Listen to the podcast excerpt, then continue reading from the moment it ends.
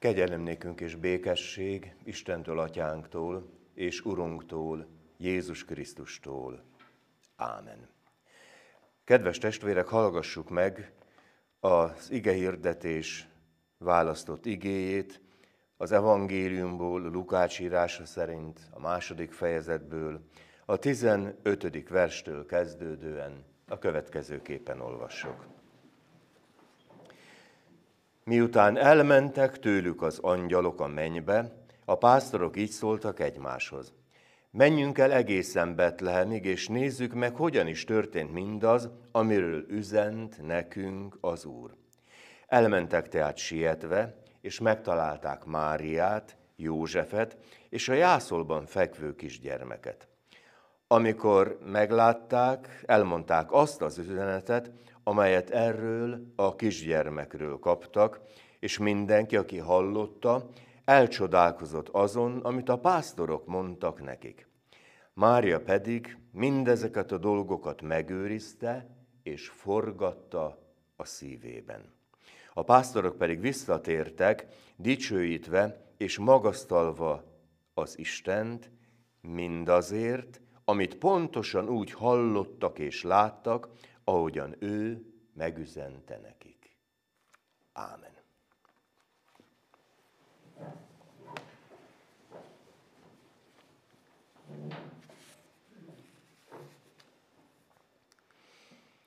Kedves testvérek,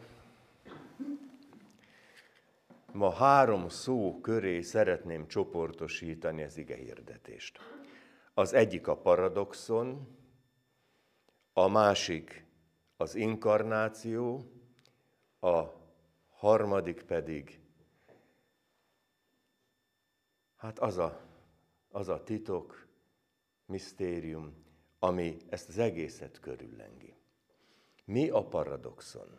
A paradoxon azt jelenti, amikor két ellentétes állításnak egyszerre és egy időben igaza van. Ismerjük azt az érzést, hogy haragszom rád és szeretlek? Megfért ez a szívünkbe? Ugye ismerős? Egyszerre ott tud lenni a kettő. Ahogy egy szülő rámordul a gyerekére, miért? Hát mert szereti és nem akarja azt, hogy szamárságokat csináljon. Egyszerre igaz, két ellentétes állítás. A másik az inkarnáció, a megtestesülés az, hogy miért lesz Isten emberré. És a negyedik, a misztérium, a titok. Az mindig ott kísért bennünket a titok. Tessék végig gondolni. Amikor tervezünk egy életpályát, akkor az olyan, mint a matematikai képlet, hogy végigveszük és tudjuk, hogy és az lesz a vége. Hát nem. Lehet, hogy tervezünk, okosnak tűnő módon tervezünk, aztán egészen más sül ki belőle. Hát ez a titok. Miért is van? És oly sokszor úgy éljük meg ezt a bizonyos titkot, hogy jaj, de jó, hogy nem az történt, amit én gondoltam. De jó, hogy a gondviselő Isten valami egészen másképpen tervezte el. Az első kérdésem az, hogy mikor született Jézus? Tudjuk? Nem. Egyes csillagászok szerint, akik az evangéliumon próbáltak tájékozódni, vagy Krisztus előtt ötben, hétben, tavasszal, ősszel, szóval ö, nagy a bizonytalanság. Na de hát mégis.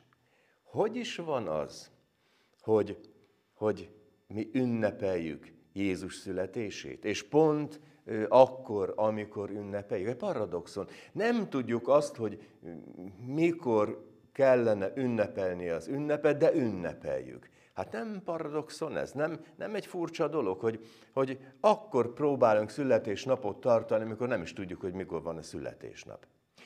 És mikor történt Jézus születése? A Biblia nagyon szépen elmondja. Amikor eljött az idők teljessége.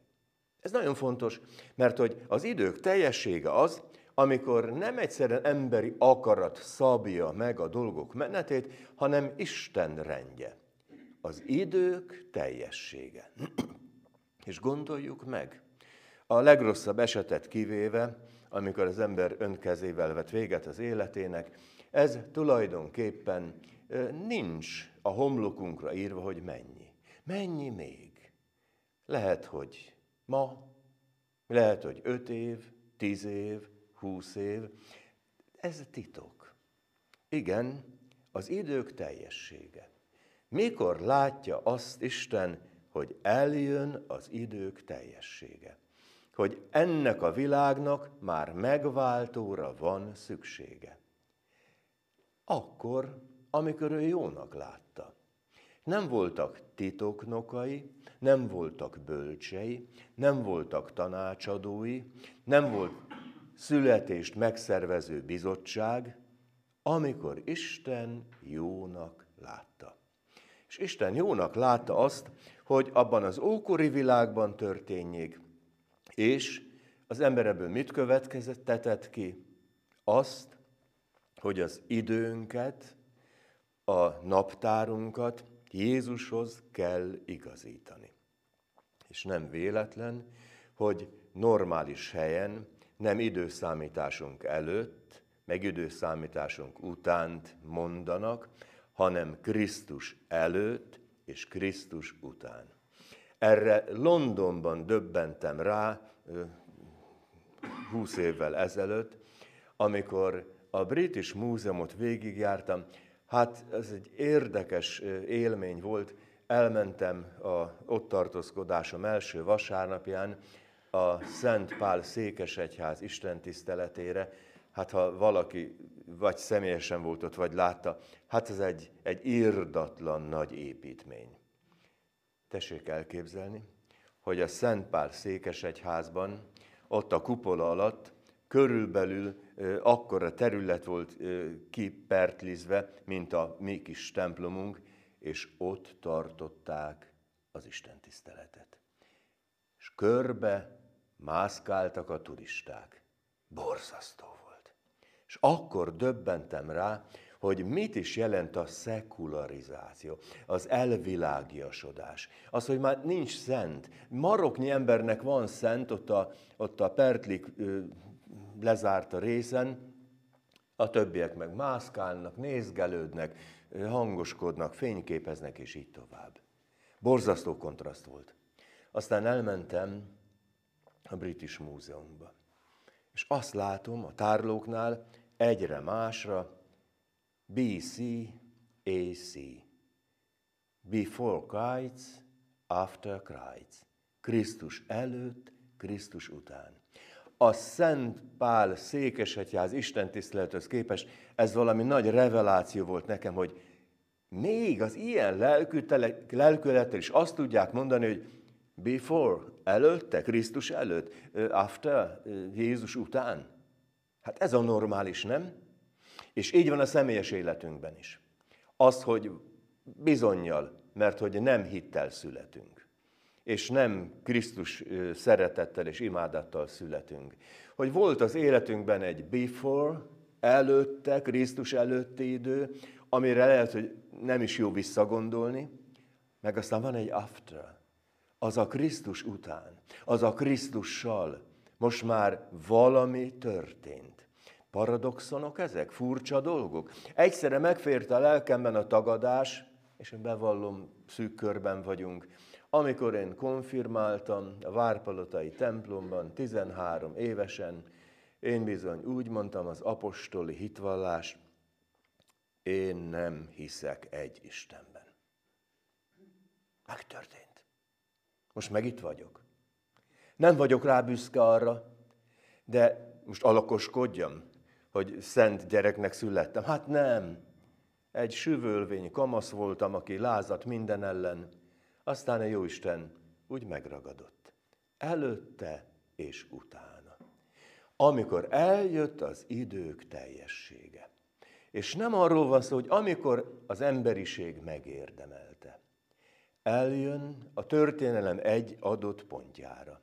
És megtörténik az inkarnáció, a megtestesülés. Úgy beszél erről a Szentírás, hogy a mennyből, az örökké valóságból a teljességből eljön a megtestesült gyermek. Na most ebben mi a különös?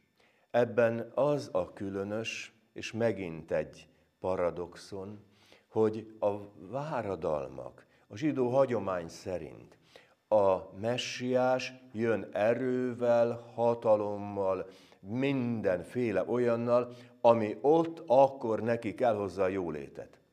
Kiveri a rómaiakat, hozza a jólétet, erős, hatalmas, jóléti állam lesz a kis Izrael államból.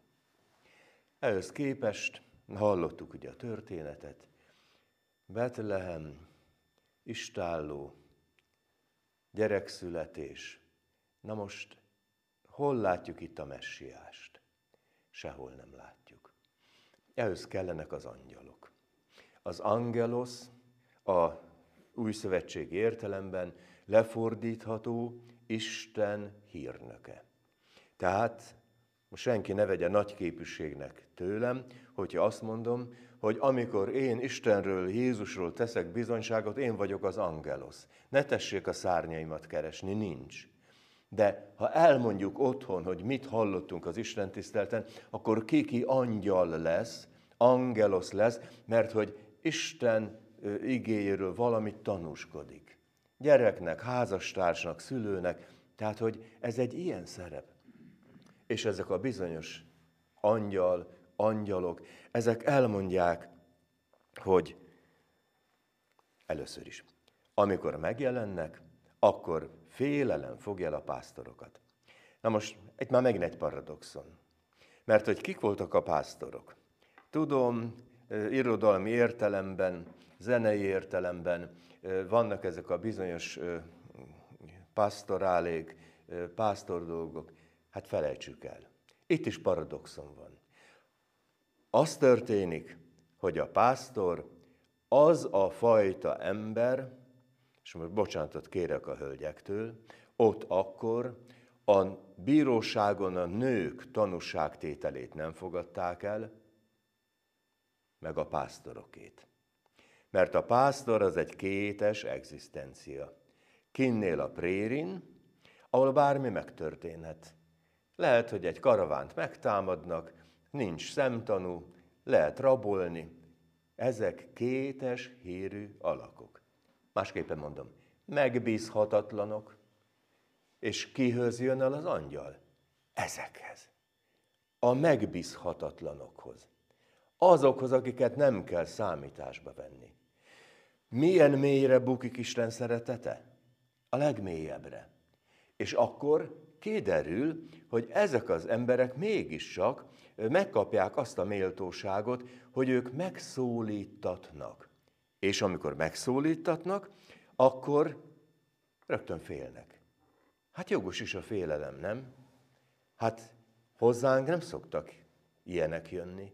Se nagyok, se még nagyobbak. És akkor azt mondja, hogy, hogy félelem vett erőt rajtuk. Hát nyilván, ami az ember számára szokatlan, az általában félelemmel tölti el, nem? Hát, hogyha velem elszabadul az autó a, a jeges úton, az nem örömmel szokott eltölteni, nem félelem, hogy jaj, most mi lesz. Na szóval, félnek, és azt mondja az angyal, ne féljetek. És ennek ott van jelentősége, hogy a Szentírásban 365-ször fordul el ez a kifejezés, hogy ne félj, ne féljetek. Tehát ha akarom, minden napra jut egy félelem oszlató szó. Miért ne féljetek? Oka is van. Nagy örömet hirdetek nektek, amely az egész nép öröme lesz. Úgy is mondhatom, ti vagytok a letéteményesei a jó hírnek. Másképpen mondom, ismerjük azokat a, az embereket, akik, akik mondjuk magas körökkel vannak kapcsolatban, és már többet tudnak, mint amit bemondott a rádió és a televízió. Tudjátok, mi lesz? Emlékszem gyerekkoromban, hogy lesz áremelés, és akkor aki eléggé ügyes volt és szemfüles, akkor, akkor bevásárolt, mert lesz áremelés. Lesz ez, lesz az, lesz amaz. Plusz információk. Fontos információk birtokába jutnak. Kik jutnak ebbe az információ halmazba? azok, akik nem érdemlik meg. Nos, És ez nem egyszerűen csak az ő örömük, nem csak az ő kiváltságuk, az egész nép öröme lesz. Úgy is mondhatom, hogy itt egy kiterjesztett információról van szó. Üdvözítő született ma nektek, aki az Úr Krisztus a Dávid városában. És igazából a, a, a hírközlés, a tényközlés lényeg az az, hogy megmondja, hogy ki és hol és mikor megszületett. Tudhatjátok. És azt is ö, szeretném mert ugye, aláhúzni, hogy igazából ez az információ, és hát ezt most a modern világból tudjuk, hogy az információ is hatalmi tényező, hatalmi ág, azt mondja, hogy, hogy tudjatok róla, és mondjátok el. És találtok egy kisgyermeket, bepójálva fekszik, és akkor mi lesz a reakció? Aztán majd elmennek, de elmondják a doxológiát. Dicsőség a magasságban Istennek. Hát onnan jön, a, onnan ered a hír. Legyen a földön békesség. Tessék végig gondolni. Olvasom valahol, hogy a második világháború óta egyes számítások szerint vagy nem volt nap a Földön, hogy ne lett volna háború, más valakitől meg azt olvasom, hogy 26 nap volt. Na most teljesen mindegy, hogy szinte már ez a 26 nap volt vagy nem volt. Békétlen világban élünk. És, már bocsánatot kérek ugye jelenlévőktől. Ugye a mi családunkban sose fordult elő még az, hogy ne veszekedtünk volna. Hogy a békesség az úgy, úgy végig árat volna mindennapjainkon, az éveken, évtizedeken. Bocs. És aztán azt mondja, az emberekhez legyen jó akarat. Tehát, akinek Krisztus élménye van, az kondicionálja a szívét, lelkét arra, hogy legyen benne jó akarat. Ez nagyon fontos. Nem azt mondom, hogy, hogy mindig sikerül, de legalább ne a rossz akaratot táplálgassuk magunkban. Tehát mi legyen? Dicsőség az Istennek, békesség a Földön, és jó akarat az embereket. És amikor elmennek az angyalok, akkor megszületik egy nagyon különös vágy. Menjünk el, nézzük meg. És igazából a karácsony második ünnepének ez az aktivitása jellemző, hogy, hogy menjünk el, akarjuk megnézni, akarjuk megtapasztalni.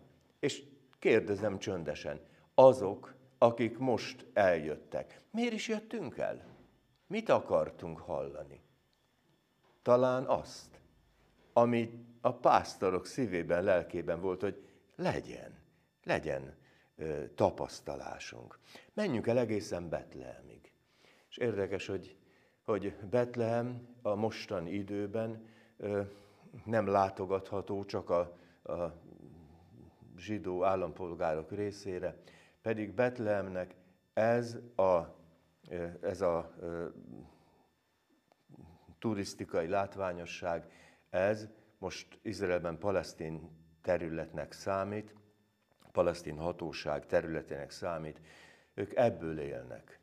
Ebből jön a, a, a bevétel jelentős része.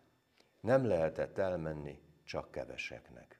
De lélekben mégis csak megtehetjük az utat, elmenni Jézusig, akarni, vágyódni hozzá. És aztán megtalálják, na kit találnak meg?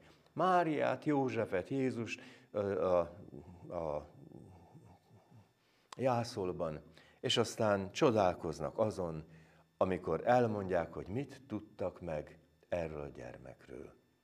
Megint egy új információ, amely elindul világ hódító útjára. És itt az érdekes, hogy Mária ezeket megőrizte, és forgatta a szívében. És ebben az az érdekes, hogy ami, hát ezt nem nagyon lehet egyszerűen lefordítani, ezt a forgatta a szívében. Ismerjük azt, amikor elkezdünk játszani egy kavicsal, ezzel, azzal a, a, a kezünkben, úgy, úgy dobálgatjuk, és, és leföl, leföl, leföl, és úgy, úgy, úgy hosszú percekig tudunk ezzel játszani. Na Mária így őrizte a szívében, így forgatta a szívében a jó hírt. Úgy is mondhatom, hogy Máriának nem egy információja volt, hanem egy olyan információ, amit folyton, folyton erősített. Forgatta a szívében, dobálgatta a tenyerén, és aztán elmennek az, a pásztorok, és az az örömük, hogy pontos volt minden. Itt vagyunk a 21. században. Egy vallástalan, elvilágiasodó világban. Egy olyan világban, ahol a kereszténységnek egyre kevesebb a, a befolyása. És akik Nyugat-Európában jártak, azok talán, talán tapasztalták, hogy Németországban templomokat bontanak le, hogy Hollandiában templomokból sörbár, meg autószalon lesz, és így tovább, mecset. Miért? Mert nekik nem kell. És itt vagyunk, akik őrzünk még valamit. Őrzünk valamit arról, hogy nekünk nem a jólét lesz a megtartó erőnk. Nekünk nem a korszellem jelent majd örömet, hanem az jelent örömet, hogy megtapasztalhatjuk Isten szeretetét, a Krisztusban kapott kegyelmet, és hogy ez minden időben jó.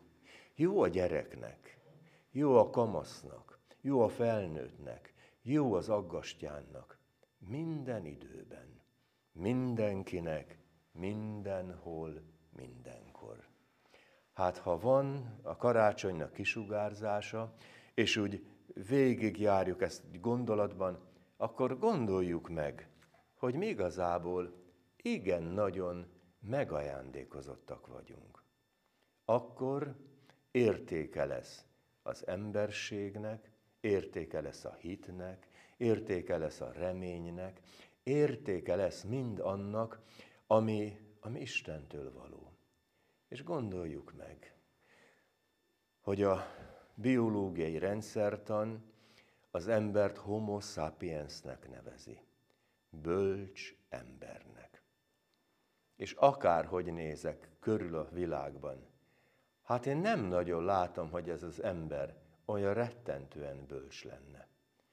Hogy szembe megy a természet törvényeivel, szembe megy a józan ész törvényeivel, szembe megy a békességre törekvés törvényeivel. Igen ám, de a homo sapiens, amint Krisztusivá válik, akkor homo Christianus lesz, Krisztusi ember. És ha valaki erre eljut, akkor legyen boldog. Aki még előtte van, az meg nyugodtan vágyakozzon utána. Előbb-utóbb minden bizonyjal ő is részese lesz. Ezt kérjük, ezt köszönjük meg. Urunk, köszönjük, hogy a megtestesülés csodája bármennyire is ellentétes az emberi elgondolásokkal, a Te akaratod szerint történik. Köszönjük, hogy mindez titok számunkra. Nem nagyon értjük, de boldogok vagyunk tőle. Köszönjük, hogy gondoskodó szeretetedbe belevontad a világot. Köszönjük, hogy ennek mi is részesei lehetünk. Áldott légy érte. Ámen.